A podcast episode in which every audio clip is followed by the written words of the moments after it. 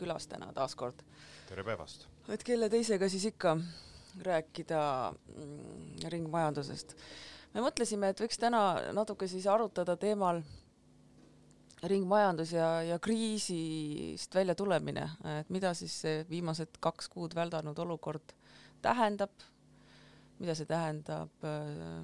siis kontekstis Euroopa äh, rohekokkulepe ja, ja suurepärane soov äh, juurutada sedasama ringmajandust. tean, et teil oli eile ka üks webinar sel teemal, et äkki teed lühikese kokkuvõtte sellest jah, et meil oli eile väga huvitav webinar, kus meil esinesid mitmed asjatundjad nii Euroopa Liidus, Keit Kasemets, kes siis andis meile ülevaate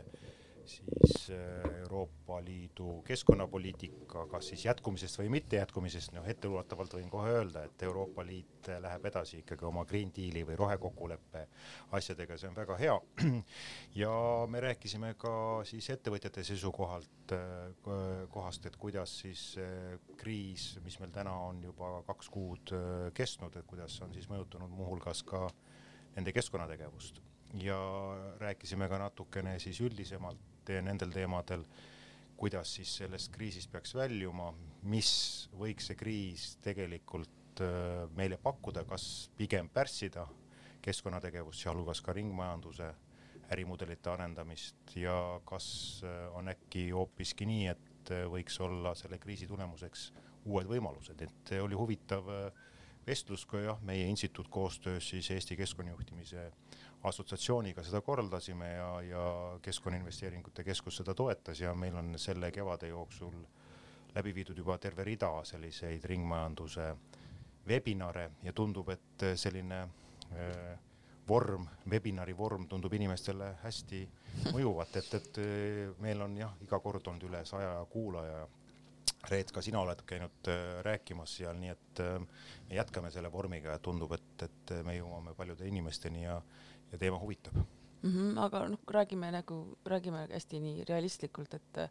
et mida see mm, reaalselt tähendab äh, meie näiteks väikeettevõtjatele, no olukord me ju hetkel on, meil on ju arusaadavalt selline, et et on keeruline aeg, on palju pankrotte, on palju tõenäoliselt lähenevaid pankrotte ja kui sa lähed kellelegi siis rääkima äh,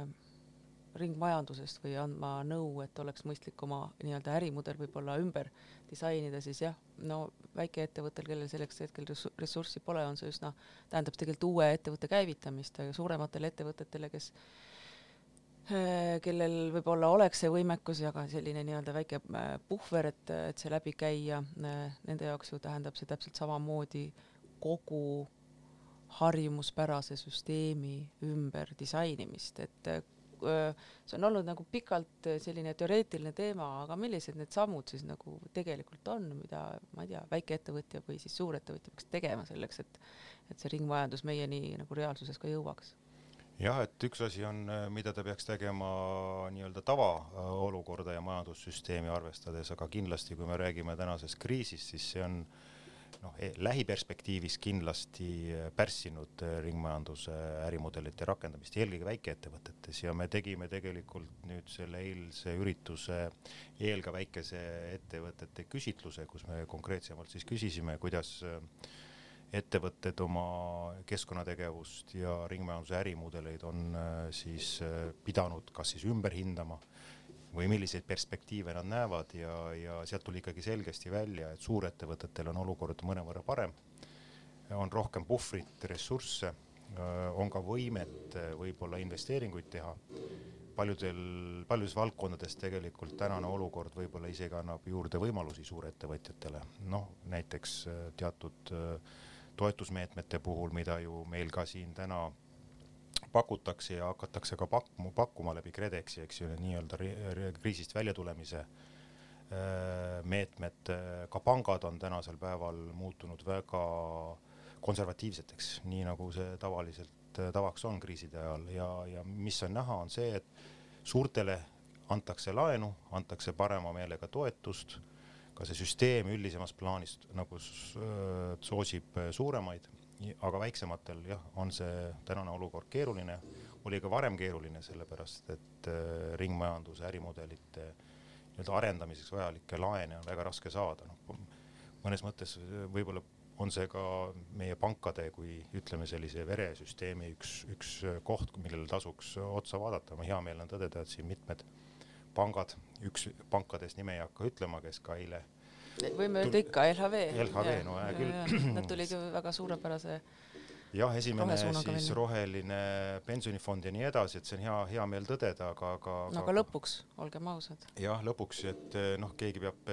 te teed näitama siin Eestis, kuigi on ka meil suuremaid rahvusvahelisi pankasid, siis siin kohapeal ikkagi noh, kasvõi praegu on terve rida väikeettevõtteid ühendust võtnud meiega, see uuringu käigus tuli ka välja, et, et väga raske on äh, laenu saada, näiteks äh, päikeseenergia projektid äh, kus tegelikult ju tagasimakse on küllaltki kindel, risk on väikene. kui pangad veel eile ja ka võib-olla täna annavad laene kinnisvarale meelsamini mm., kuna see on nendele nagu arusaadav, siis mm. mina pigem arvan, et tegu on väga riskantse valdkonnaga, siis ringmajanduse ärimudelite nagu sellist äh, loogikat siiski ei hoomata ja mm, -hmm. ja nõutakse tagatisi ja muid asju, et see väikeettevõttele on jah, praegu raske aeg aga õnneks on äh, ettevõtjaid, kellel on ideesid ja nüüd ongi küsimus see, et kas see keskkond äh, toetab nende ideede rakendamist. Mm, no aga kui vaadata näiteks sellesama rohekokkuleppe kolme niisugust põhiprioriteeti, mis ongi siis energeetika, transport ja tekstiilisektor, kas siis noh, need on ju ometi prioriteedid, kuhu siis Euroopa Liit järgmise, ma ei tea, kolmekümne aasta jooksul suunab, ma ei tea, kas see oli kaksteist miljardit eurot või ma ei mäleta, sa võib-olla mäletad ja, täpsemalt. Need on miljardites jah, ja, ja, ja. see peaks ju, need peaks olema valdkonnad, kus tegelikult see riskitegur ongi võimalikult madal, sest see on, need on ju meie ühised prioriteedid, et kas siis ma mõtlen, pank kui selline ei vaata siis suuremat pilti või, või mis see põhjus on? jah, et äh, ma arvan, et äh, ülioluline, et pangad sel teemal ennast äh, oluliselt hariksid, et siin on selgesti näha, et pankade selline sisemine pädevus või, või arusaam on siiski mõnevõrra maha jäänud, kuigi nagu me enne mainisime, on tegelikult viimase aasta jooksul näha, et ärkamine on toimumas, on aru saadud, et millele peaks tähelepanu pöörama aga ikkagi ütleme, äri on alati seotud riskidega ja, ja ringmajandus ja ka keskkonnahoidlikud, ütleme süsinikuneutraalsed äh, majandusele panustavad ärimudelid äh, ikkagi täna kätkevad endas äh, küllaltki suurt riski. ja siin peab ka noh, on palju muid komponente, rahastamine on üks asi, aga teine asi on ka see, et, et, et kas turg on piisav kas üldine nii-öelda toetusskeem ja, ja mentaliteet äh, on, on vastav, eks ju, siin me selgesti ju näeme, et et äh, siinsamas kriisi ajal praegu ikkagi äh, valitsused, sealhulgas ka Eesti valitsus väga selgesti üritab siis taastada seda nii-öelda eelnevat küllaltki lineaarset majandusmudelit ja me näeme, et suuri struktuurimuudatusi majanduses ei toimu, nii et jällegi riskid ikkagi on ja, ja selles mõttes väikeettevõtetel, kuigi nad panustavad nendesse suurtesse eesmärkidesse, siis täna ikkagi nii selgelt sellist äh, keskkonda ei ole või sellist ökosüsteemi, kus nad saaksid äh, nagu riskivabalt toimetada, nii et ähm, jah, et teatud kriitiline mass peab, peab, peab tekkima mm. -hmm. ma lugesin siin hiljuti oli uudis, et Amsterdam on võtnud kriisijärgselt täiesti uue suuna. Äh, nad on siis palganud endale äh, teadlased appi, et, et uue majandusmudeli järgi peale kriisi jätkata. jutt, jutt käib siis sellest Donut majandusmudelist. kas sa seda oskad kommenteerida, oled sa selle kohta lugenud? jah, et tegelikult Holland, Holland on ju, ma olen jah Hollandi peaministri kõnet ühel konverentsil kuulanud ja ma arvan, et ta sobiks väga hästi tippringmajanduse eksperdiks, ta oli, ta oli nii pädev selles valdkonnas, et et kogu sellel äh, saalidel inimestel oli huvitav kuulata, eks see tegelikult mõnevõrra ka näitab siis seda poliitikute pädevust ja arusaamist kogu sellest asjast. Ja, ja jah, tegelikult tõesti on nii, et et praegu see kriisist väljatulemine äh, pakub meile võimalusi, tähendab, võimalused on olemas, küsimus see, kas mm -hmm. me need ära kasutame ja, ja, ja näiteks Hollandis tõesti äh, nad on väga süsteemselt äh, seda arvestanud Hollandi on niikuinii juba ka ringmajanduse rakendamisel küllaltki edumeelne olnud. seda me ka eile arutlesime, et äh, kas oleks mõistlik äh, mõningatest riikidest siin Eestis õppida nagu näidetena ja noh, Holland on kindlasti üks riik, äh, aga miks mitte vaadata ka põhjanaabrite poole, ma arvan, et ka põhjanaabrid, Skandinaavia riigid teevad siin päris häid liigutusi, et sellist riskist välja tulles siis need võimalused oleks võimalikult suuresti kaetud. noh, Soome lihtsalt siin ettevõtluse poole pealt mõned Soome ettevõtted, kellega ma siin olen suhelnud oma tööasjus ja võrreldes noh, Eesti ettevõtetega võib-olla siis jah, Eesti ettevõtted on osad väiksemad, aga miks ka noh, põhimõtteliselt sama valdkond, siis noh, väga suur erinevus on see, et Soome ettevõtetel on ikkagi nagu strateegia on,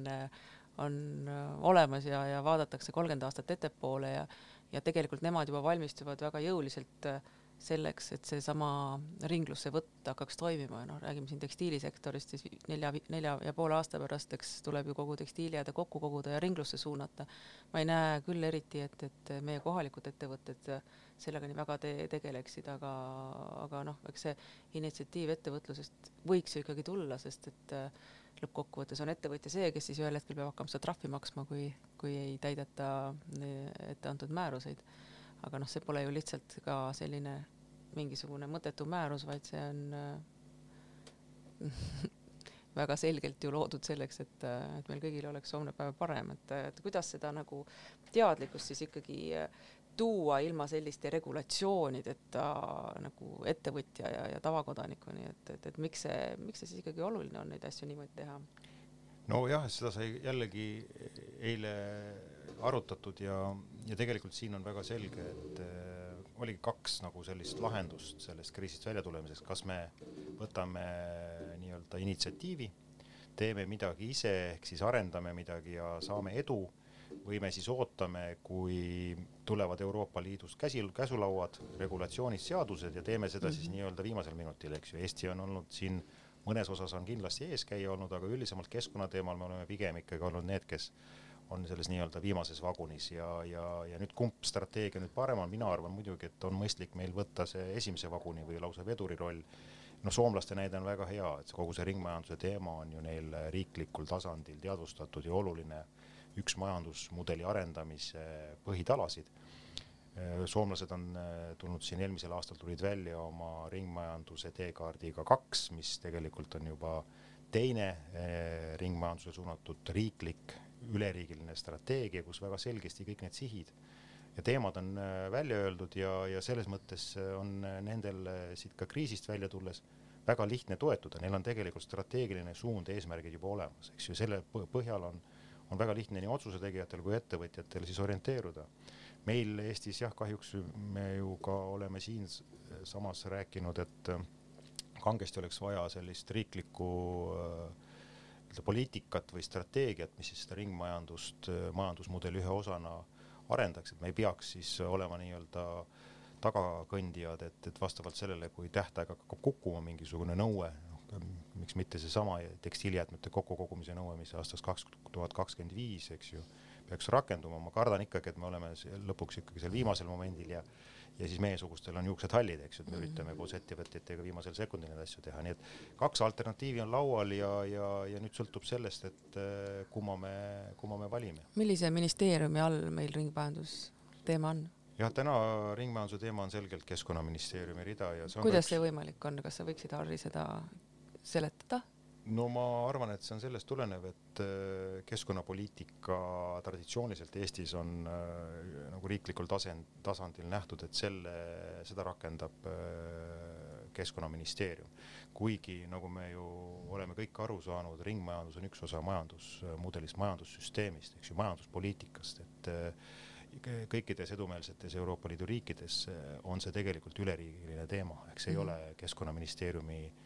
kitsas tegevusvaldkond ja, ja siit, siia taha, siia kännu taha ta natukene on ka meil Eestis, Eestis jäänud. no aga kas eh, kuidagi võiks siis tulla initsiatiivi, noh tõepoolest, kui me räägime ringmajandusest või üldse räägime sellistest eh,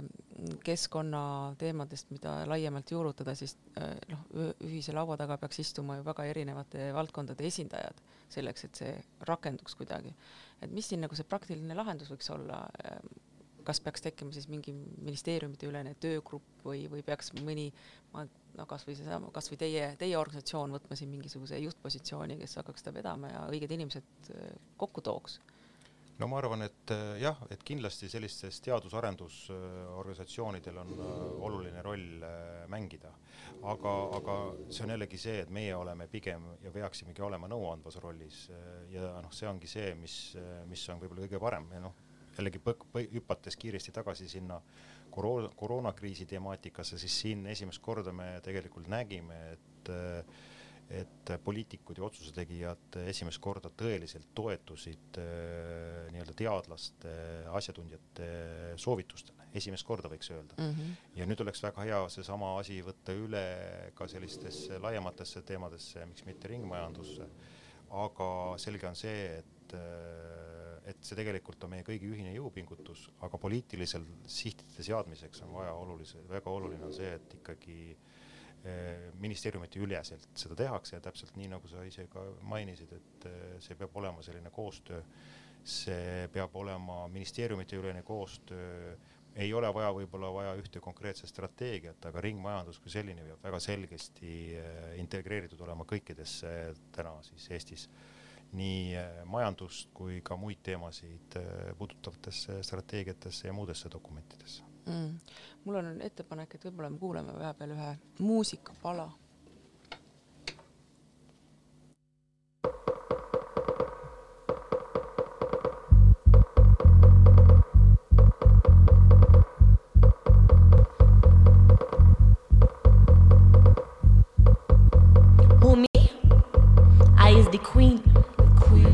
me bad. Yeah. Just like machine. Gone. Why you go do? When me wine real hard pan you, wine. Qui moi? Je suis la reine. Je suis fort. Ça c'est certain. Délicieux. Comme de bonbons. Comme de bonbons. Comme de bonbons.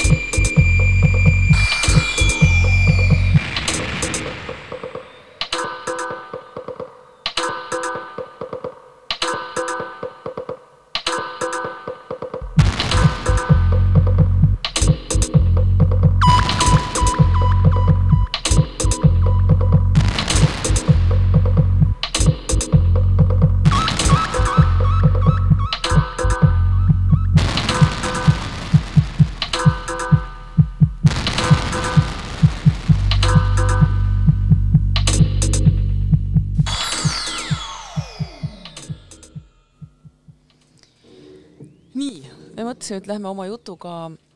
eh, hangete juurde, see on ka niisugune hea teema ja, ja võib-olla üks just see osa mm, igapäevaelust, kus siis äh, riik ja avalikud organisatsioonid saavad oma toetust näidata Eesti ettevõtetele ja ka väikeettevõtetele, et et tea, tean, et selles osas on ju olnud äh, dialoog ka päris pikk, kestnud kaua, et kuidas siis eelistada, no kodumaist, et mitte teenida lõputult äh, neid pastakaid sealt Hiinast ja noh, ma arvan, et see, see Covidi kriis oli selles mõttes ka hea, hea õppetund, et tegelikult ju globaalne tarneahel kukkus kokku, et, et seda siin kogesid, ma arvan, kõik, kes kuidagi tootva tööstusega seotud on ja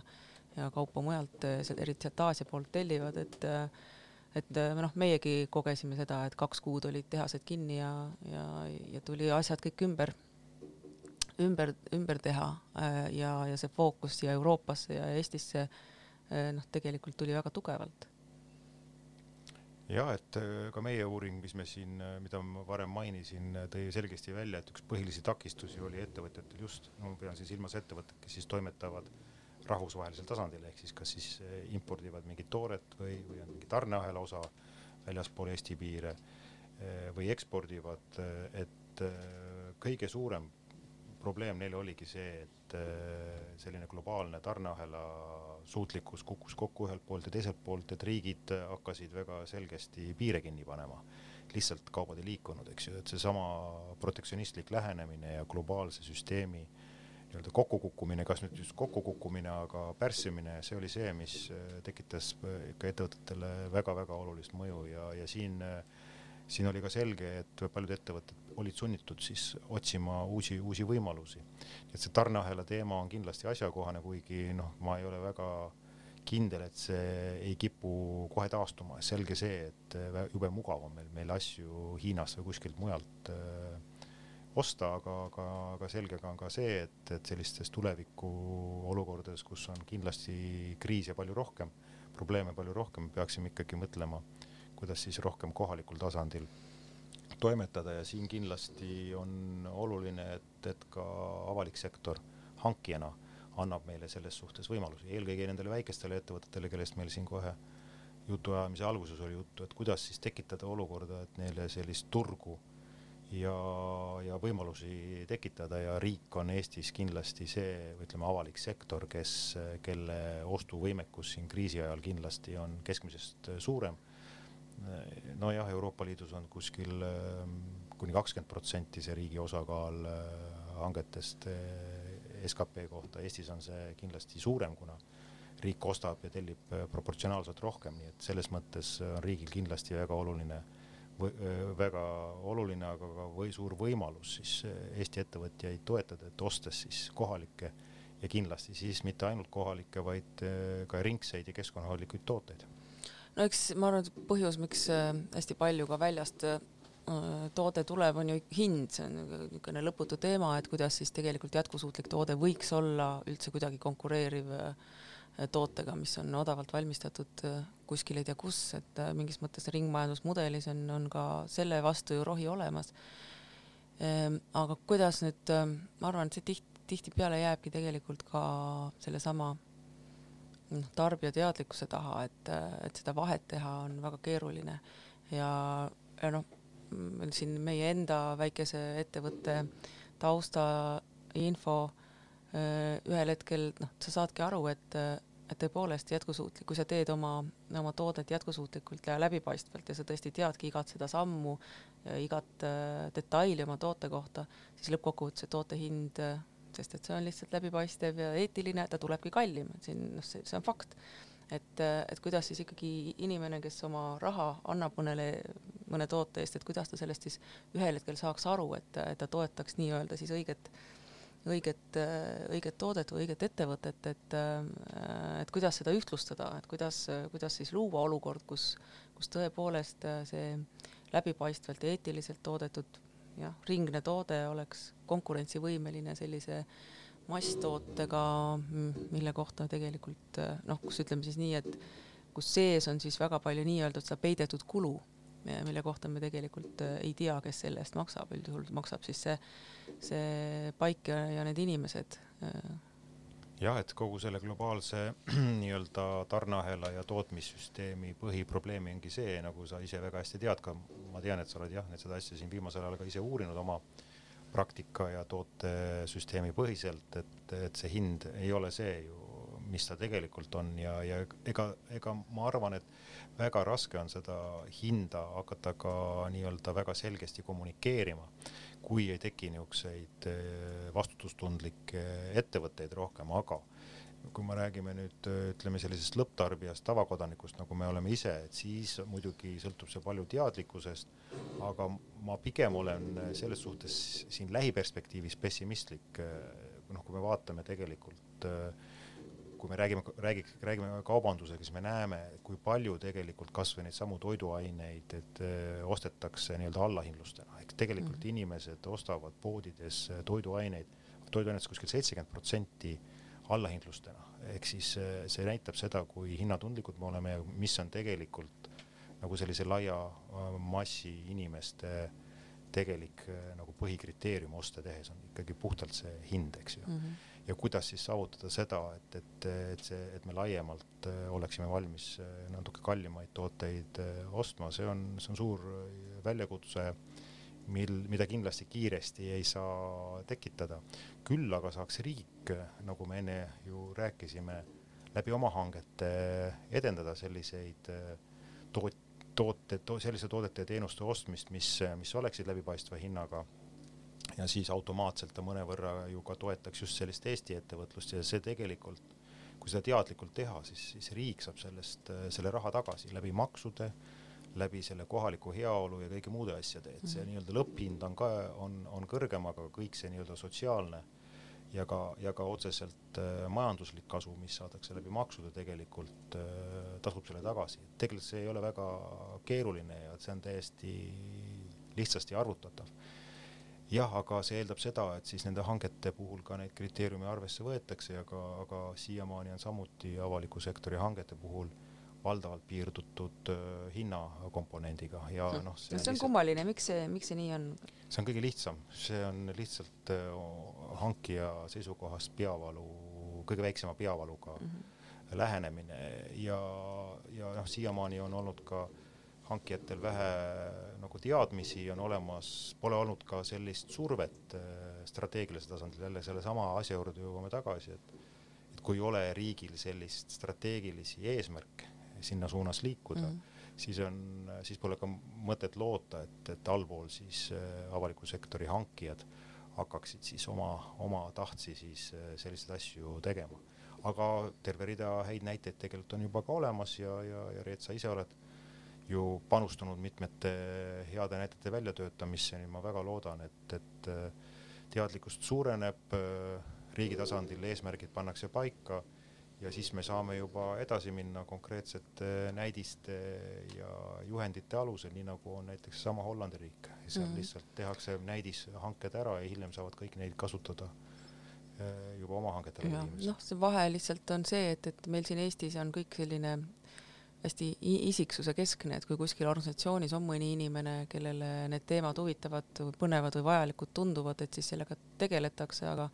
mingisugust sellist äh, strateegilist äh, on nagu otsust ju ei ole, aga kust peaks nagu poliitiliselt, kust suunast peaks siis tulema selline nagu surve, äh, et meie hanked muutuksid siis vastavaks ringmajandus ideele no,? jällegi ringmajandust peaks nägema kui ühte osa majandussüsteemist ja noh, selle jaoks on ju olemas vastavad ametnikud ja poliitikud, kes sel teemal toimetavad mm -hmm. ja, ja mhm. tegelikult pean jällegi kahetsustundega ütlema, et Eesti on üks väheseid Euroopa Liidu riike, kus ei ole keskkonnahoidlike riigihangete eesmärke ja strateegiat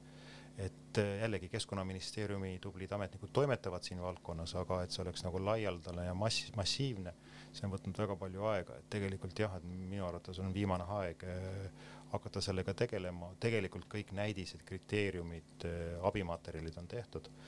me oleme praegu ka välja töötamas ringhangete juhendmaterjali avalikule sektorile. nii et kõik see nii-öelda tehniline pool peaks olemas olema kohe-kohe, nii et kinni on kõik nii-öelda tahtest. poliitiku tahtest või? sisuliselt küll. õige poliitik või kes on õige poliitik? jah, ma arvan, et äh, õige poliitika on see poliitika, keda me valime, et mm. nii ta ju tegelikult demokraatias on. aga ma arvan, et ka poliitikute harimine on oluline, et siin on ülioluline tänases olukorras kindlasti me näeme, et tänane poliit-, koalitsioon eelistab kohalikku eestimaist, ajab seda nii-öelda Eesti asja tegelikult Euroopa Liidus olles on üheks põhiliseks takistuseks noh, tegelikult ei, ütleme Euroopa Liidu seaduste järgi me ei tohiks kohalikku eelistada, nimelt eks ju kaupade, inimeste vaba liikumine, kõik see konkurentsi temaatika, mis mm -hmm. on kõige olulisem. aga jällegi, kui me vaatame näiteks soomlasi, rootslasi, siis nad on nendesamade ringhangete ja keskkonnahoidlike hangete ja süsiniku äh, siis kokku hoidvate või väikese CO2 jalajäljega toodete hankimisel väga osavalt seda ära kasutanud ja läbi selle saavutanud olukorra, kus ostetaksegi kohalikku. nii et kohalikku kaupa ja teenust saab osta tänapäeval ainult läbi keskkonnakriteeriumite kasutamise ja keskkonnakriteeriumite kasutamine on Euroopa Komisjoni poolt väga soositud. no aga jah, see, see on selles mõttes niisugune väga vastuoluline informatsioon, et ühest küljest eh, jah, see eh, annaks meile võimaluse, aga teisest küljest, kui vaadata, kuhu suunas liigub meie valitsus või mis on eh, mõtteavaldused sealtpoolt tulevad, siis keskkond ei ole küll teema, mis kuidagi neid erutada võiks ühest, mitte ühestki küljest ju jaa, aga ma arvan, et tuleb kavalalt läheneda ja neile selgitada, et nende poliitilisesse agendasse sellisel kujul, nagu meie rääkisime, see väga hästi toetab seda mm, -hmm. nii et eh, kui seda teha mõistlikult, eesmärk pühindab abinõu, siis ja. ju peaks sinna jõudma, ega meil muud võimalust ei ole. aga tõesti, et siin on jällegi väga palju häid näiteid teistest riikidest ja, ja, ja poliitikud tuleb samamoodi harida neid tuleb harida ja näidata neile, et, et on võimalused ja need võimalused, kui need võimalused panustavad ka veel nii-öelda nende poliitilisse agendasse, siis suure tõenäosusega need korjatakse ülesse. Mm, noh, me tegime eelmine aasta EKA tudengitega ju suurepärase projekti koos PPA-ga, kus kogu nende siis äh, kasutatud rõivad, rõivas äh, nende laost, kuna nad vahetasid ära endal vormid said ümber disainitud toodeteks, mida nad ise siis äh, organisatsiooni siseselt kasutada said, et ma arvan, et et see iseenesest on juba väga hea näide, et see on võimalik ja, ja, ja läbi disaini leida ka lahendus väga suurele osale tekstiilijäätmele. Aga noh, korra sa rääkisid veel Hollandist, siis, siis mm, Hollandi üks väga tore näide, ma arvan, et sa ju oled sellega samamoodi kokku puutunud, on ka koostöös Kaitseväega mis on ikkagi noh, suuremahuline ja, ja samamoodi nagu riikliku strateegia üks osa, kuidas siis massiliselt üle, ülejääki suunata tagasi läbi ümbertöötluse sinna sellesama organisatsiooni siseselt. et sellised avalikud organisatsioonid saavad seda väga hästi teha, et et kas siis äh, sellise tegevuse soodustamine peakski käima läbi sellesama riigihangete soovituste või? Kindlasti jah, ja nüüd, kui me oleme siin kriisi ajal kuulnud jällegi poliitikute retoorikat ka kaitseväe puhul näiteks või ütleme kaitseministeeriumi kontekstis, siis on ju kogu aeg rõhutatud, et me peaksime tellima rohkem asju koha pealt, noh, see hea näide on nüüd, mida on jällegi esile toodud. Sellise kriisimeetmena või vähemasti kaasaaitavana on see, et siis kaitsevägi või siis merevägi saab endale patrull-laevad väikesed või nii-öelda sadamakaitselaevad, mis tellitakse Saaremaa siis sellest äh, laevaehitustehasest miks mitte, noh, siis me räägime nagu kõrgtehnoloogilisest asjast ja ega kõiki asju ei ole võimalik äh, võib-olla kõrgtehnoloogia asju Eestis äh, toota, aga, aga tekstiilitooted, see on ju elementaarne, eks ju, kõik sellised asjad. noh, õnneks küllaltki suur osa toodetakse, aga miks mitte siis toota neid ka ringselt ja jätkuvalt ja su võimalikult suures mahus, et meie nii-öelda ressursid, maksumaksja poolt kogutud ressursid, mis meie nii-öelda äh, Äh, riigikaitseks või korrapidamiseks vajalikud on, see on minu jaoks oleks ise, iseenesestmõistetav, et, et need võiksid olla kõik äh, ringsed kohalikud hanked mm. -hmm. no kui me räägime siin noh, tekstiili puhul ringsusest, siis äh, meil on kohe esimene suur takistus on seal, et meil Eestis on ümbertöötluse võimekus null. jah, ja küsimus on, miks ta on null, et sellepärast on null, et keegi ei ole selle peale mõelnud ei ole ka, see on selge, et see valdkond vajab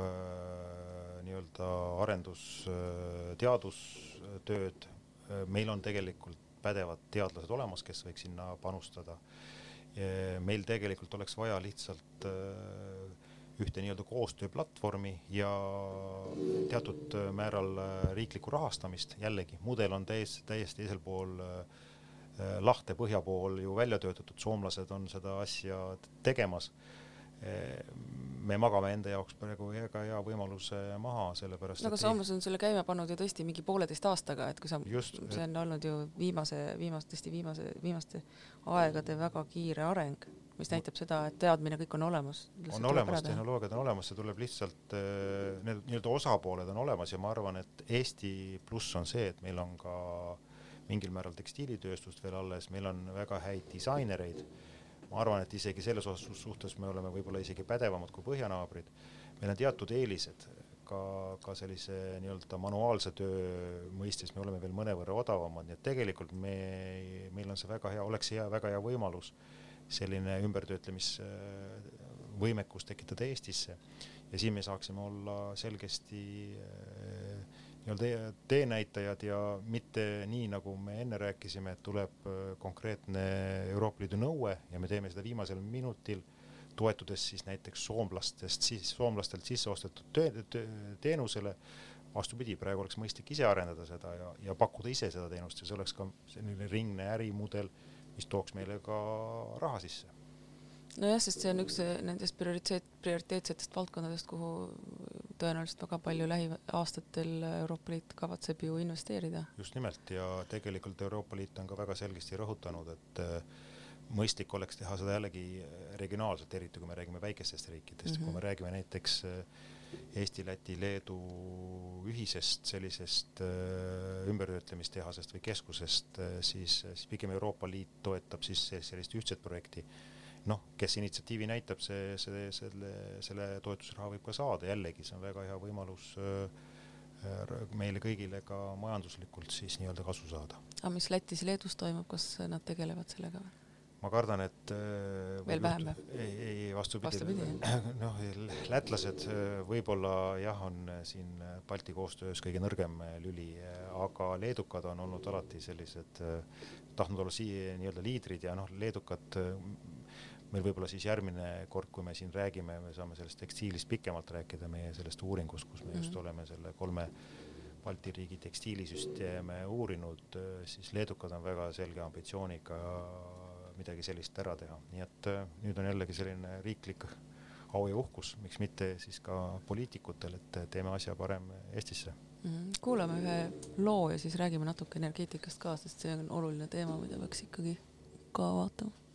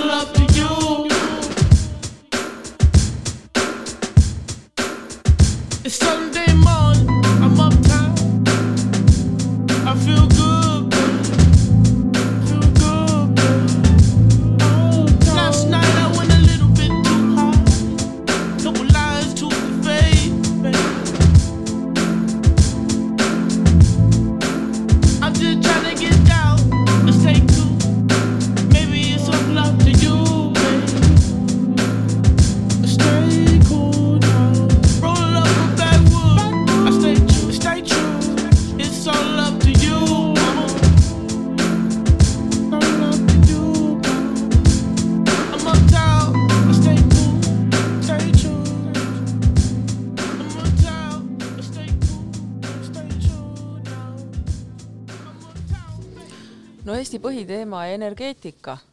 mis, kuidas, kuidas me siis ähm, sellega edasi võiksime minna sinu arust? jaa, raske öelda, ega ma ise ei pea ennast selles valdkonnas just kõige suuremaks eksperdiks, ma ikkagi olen ennast arvanud rohkem nagu ringmajanduse teemal kaasarääkivana, aga, aga ringmajandus on ka üks osa sellisest äh, süsinikuneutraalsest ja ringsest majandusmudelist ja tänasel päeval me ei saa ringmajandust ja süsinikuneutraalsust lahutada. See on ikkagi ük, ük, üks osa üldisest sellisest äh, uuest äh, lähenemisest äh,, kus nii-öelda mõlemad aspektid peaksid olema silmas peetud ja tegelikult äh, ringne majandusmudel ju panustab ka otseselt äh, süsinikuneutraalsusesse, aga selge see on, et, et äh, noh, kui me vaatame sellisest CO2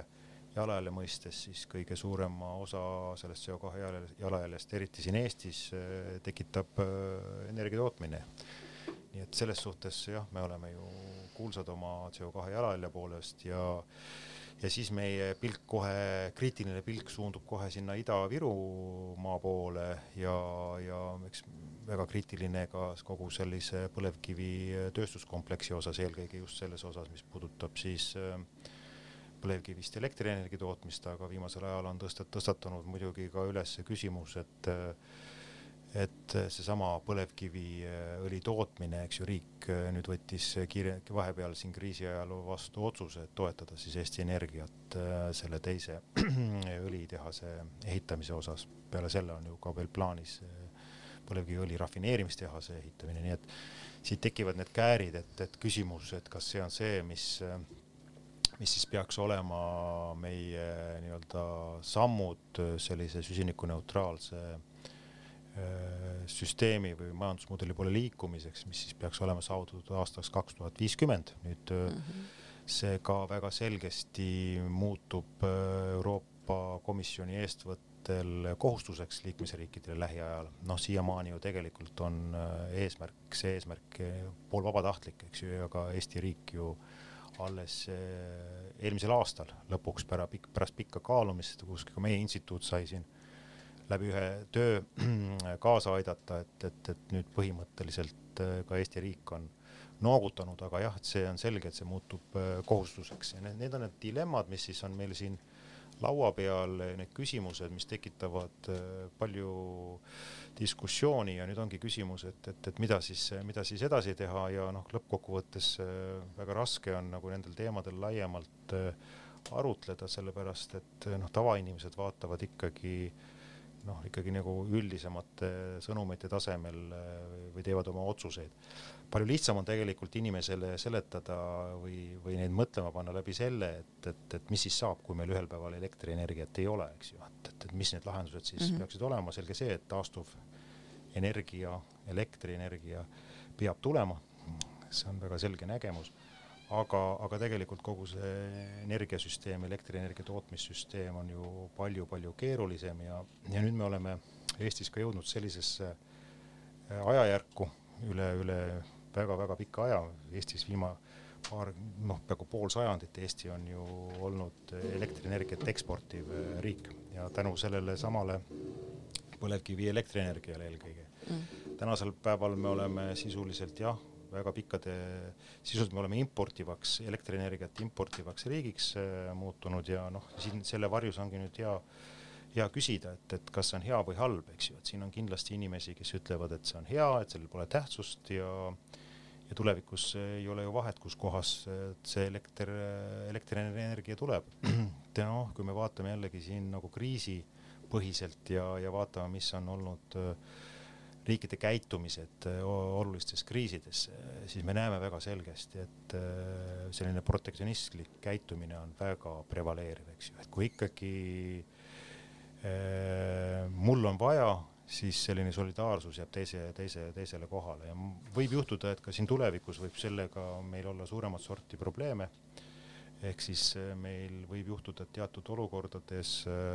lihtsalt ühel momendil elektrienergiat enam ei ole ja siis sellisel juhul muidugi kukub kokku kogu meie nii-öelda IT-põhine see nii-öelda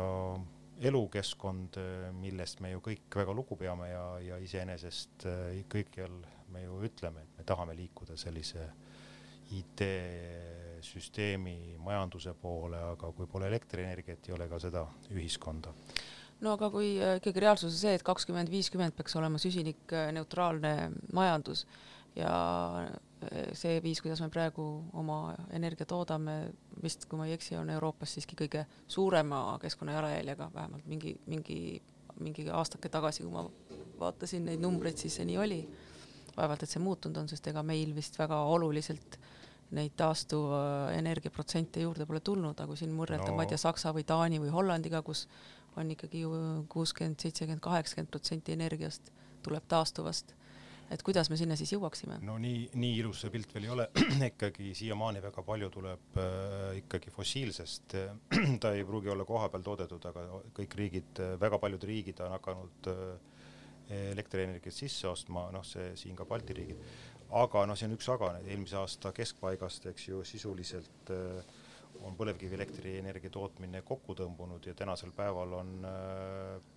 pikad perioodid äh, nädalate kaupa, kus siis tegelikult äh, taastuva energia osakaal ületab oluliselt, et tegelikult on toimunud väga-väga suur muutus mm. -hmm. ja viimase aasta jooksul, et tegelikult meie statistiline pilt on muutunud radikaalselt, et see pilt, mis meil oli siin jah, veel poolteist aastat tagasi, on tänaseks oluliselt muutunud. Ja noh, selles mõttes on see ju hea, aga ma pean pigem silmas seda, et me ei saa jääda sellele nii-öelda lootma, noh et, et et see ongi nüüd selline lihtne viis, et lükkame põlevkivielektrijaama tagant ära ja, ja et siis ongi kõik korras, et me peame tegelikult mõtlema väga selgesti, tegema otsuseid ja ka investeeringuid, jällegi toetama neid otsuseid et mis siis tuleb asemele. Ja kõige suurem probleem äh, elektrienergia tootmise puhul, eriti kui me räägime tuuleenergiast, mis, mida on nähtud, eks ju, meil äh, olulise alternatiivina, siis et äh, seda elektrienergiat ei ole võimalik salvestada, lihtsalt elektrienergiat on meil siis, kui tuul puhub, aga kui tuul, tuul ei puhu, siis meil seda ei ole, siis ongi seesama moment, et, et, et, et mis siis peaks tegema, et millised on need lahendused, mis siis peaksid kompenseerima, mis on, mis on see nii-öelda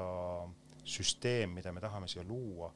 need otsused tuleks äh, päris kiiresti ära teha ja ainult lootma jääda sellele, et, et me ehitame juurde uusi tuuleparke mm, -hmm. see meid äh, kahjuks jah, seda probleemi ei lahenda mm. -hmm. sa siis ei,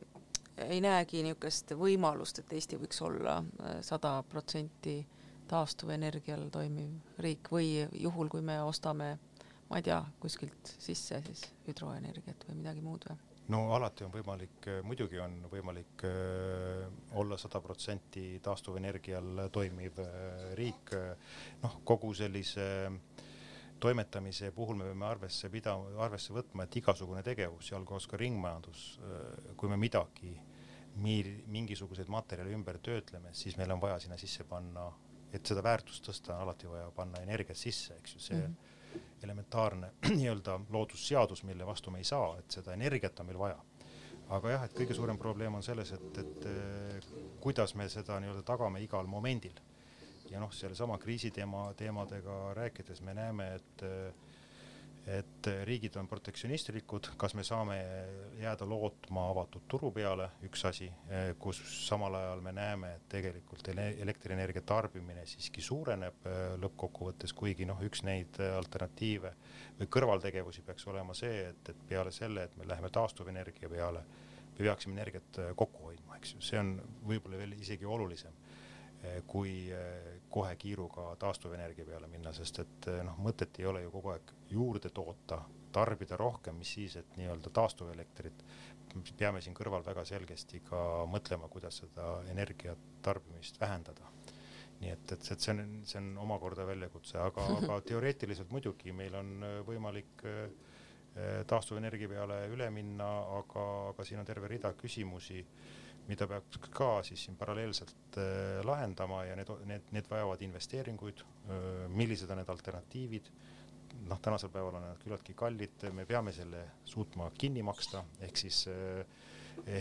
selline mulje jääb, et tuuleenergia puhul on tulevikus elektri hind väga madal, jah, tõesti teatud perioodidel, kui on turg üle ujutatud, eks ju äh, odava tuuleenergiaga, see kohati on, me oleme kuulnud ja jäänud meile mulje, et see maksabki sisuliselt null, null raha, eks ju. siis kokkuvõttes see päris nii ei ole, et süsteemi ülesehitamiseks on meil vaja siis, siis ka salvestada seda, seda energiat ja nüüd ongi küsimus, kuidas seda teha. Mm -hmm.. noh, siin on mitmed märksõnad nagu seesama vesinik, eks ju, mida on võimalik kasutada, mis on siiani siiski jällegi küllaltki äh, kallis tehnoloogia jah, et, et, et äh, või siis näiteks mingid muud äh, salvestusvõimalused, on räägitud võimalustest ja ka planeeritakse Paldiskis hüdropump või pumphüdroelekt-, sellist salvestusjaama, eks ju, kaevatakse maa sisse tohutu auku, mis siis pumbatakse tühjaks kui tuuleenergia on odav ja kättesaadav ja hiljem siis, kui tuul ei puhu mm, -hmm. siis on võimalik seda hüdroelektrijaamana kasutada et need variandid on vajalikud, et ja ka nende jaoks on vaja sellist süsteemset ja plaanipärast tegevust. küsimus on see, et kas, kas meil Eestis selline süsteemne ja plaanipärane tegevus selles valdkonnas toimub, sellises nii-öelda nägemuses, et tegelikult avatud turg ei pruugi mingil hetkel funktsioneerida mm. nojah, samas kui vaadata sellist nagu kliimamuutust, siis tundub, et järjest rohkem meil äh, tuult ja tormi ju on, äh, lubatakse. ma just lugesin eile vaatasin, India ja, ja Bangladesh on äh, suuremat sorti looduskatastroofi käes taaskord piinlemas, et vihmad on liiga vara kohale jõudnud ja esimesed surmad ja suured hulgad inimesi evakueeritakse, mis jällegi selle piirkonna kohta tähendab ikkagi vihma tulekut nüüd pea kaks kuud varem. Äh, ehk siis tundub, et, et meil tuulepuudust ei, ei ole või? jaa, ei seda küll, aga meil on äh, tuulepuudust meil ei ole, aga meil on puudus tahtest äh, seda tuld ära kasutada, eks ju, me ju teame väga hästi neid piiranguid, seda võitlust kohalike elanike, võitlust tuulejaamade vastu, eks ju ehk siis tegelikult nüüd ongi, see ongi seesama küsimus, et me peame siis eh, ühiselt otsustama, et mida me tahame, kuhu, mida ehitada. Eh, päris nii ei saa, et me elame keset puhast loodust, eh, mitte midagi meie ümber ei toimu, aga samas meie heaolu püsib, et, et tegelikult siin on jah, need on terve rida kääre ja kompromisse, mida me peame tegema. Ja noh, kui me räägime äh, nagu globaalsel tasandil, millele sa ka viitasid, siis tegelikult äh, me peame olema tänulikud, et me siin elame siin Eestis äh, tegelikult äh, nii-öelda lühiperspektiivis kliimamuutustest rääkides meie negatiivne mõju meie elule on, on väi-, palju-palju väiksem kui nendel samadel inimestel, kes elavad ekvaatorile lähemal, et seal mm -hmm. tõesti tegelikult need olud lähevad päris kiiresti päris kehvaks ja tegelikult kaudselt meie poliitikutele, kes väga selgesti tänasel kujul nagu sellist natukene sellist äh, kinnise riigi juttu räägivad, siis see on võib-olla kõige suurem oht, et, et kui see seltskond hakkab sealt liikuma ühel momendil, siis need piire ei ole võimalik ka kinni hoida, nii et mm. tegelikult jällegi keskkonnahoidlik süsinikuneutraalne toimetamine globaalsel tasandil aitab meil ka siin mõnusalt siin väikses maakolkas omaette vaikselt elus püsida. noh, samas on ju ka välja öeldud väga selgelt, et, et seesama kliimapõgenik, kes ühel hetkel hakkab Aafrikast liikuma, on tegelikult Euroopa kõige suurem oht. et Just see on ka tegelikult põhjus, miks Euroopa nii jõuliselt sedasama rohelepet ähm, juurutada üritab ja, ja, ja tõepoolest, kui mõelda siis selle massi peale, mis sealt liikuma hakkab tänu kõrbestumisele, siis noh, ma arvan, et äh, nii labaselt öeldes jooksevad nad Euroopa ju üsna, üsna kiiresti maha, et, et äh, et ja see on ju tegelikult reaalsus. ja no üks positiivne noot võib-olla siin lõpetuseks siiski, et eh, summa summarum eelmine aasta süsinik või ütleme, CO2 õhku paiskamine jäi sisuliselt esimest korda samasse mahtudesse ja Euroopa Liit ja ka Ameerika ühis, Ühendriigid olid väga edumeelsed, eks ju, CO2 emissiooni vähendamisel, nii et tegelikult eh, ka see tänane kriis näitab, et eh, inim- või ütleme, meil kõigil on need hoovad ja võimalused oluliselt panustada, üpris kiiresti panustada, nüüd on küsimus see, et kas me tahame seda teha. mm. no aga ongi hea hetk otsad kokku tõmmata ja räägime järgmine kuu tekstiiliteemadel edasi, aitäh Harri, et sa tulid! võtke heaks.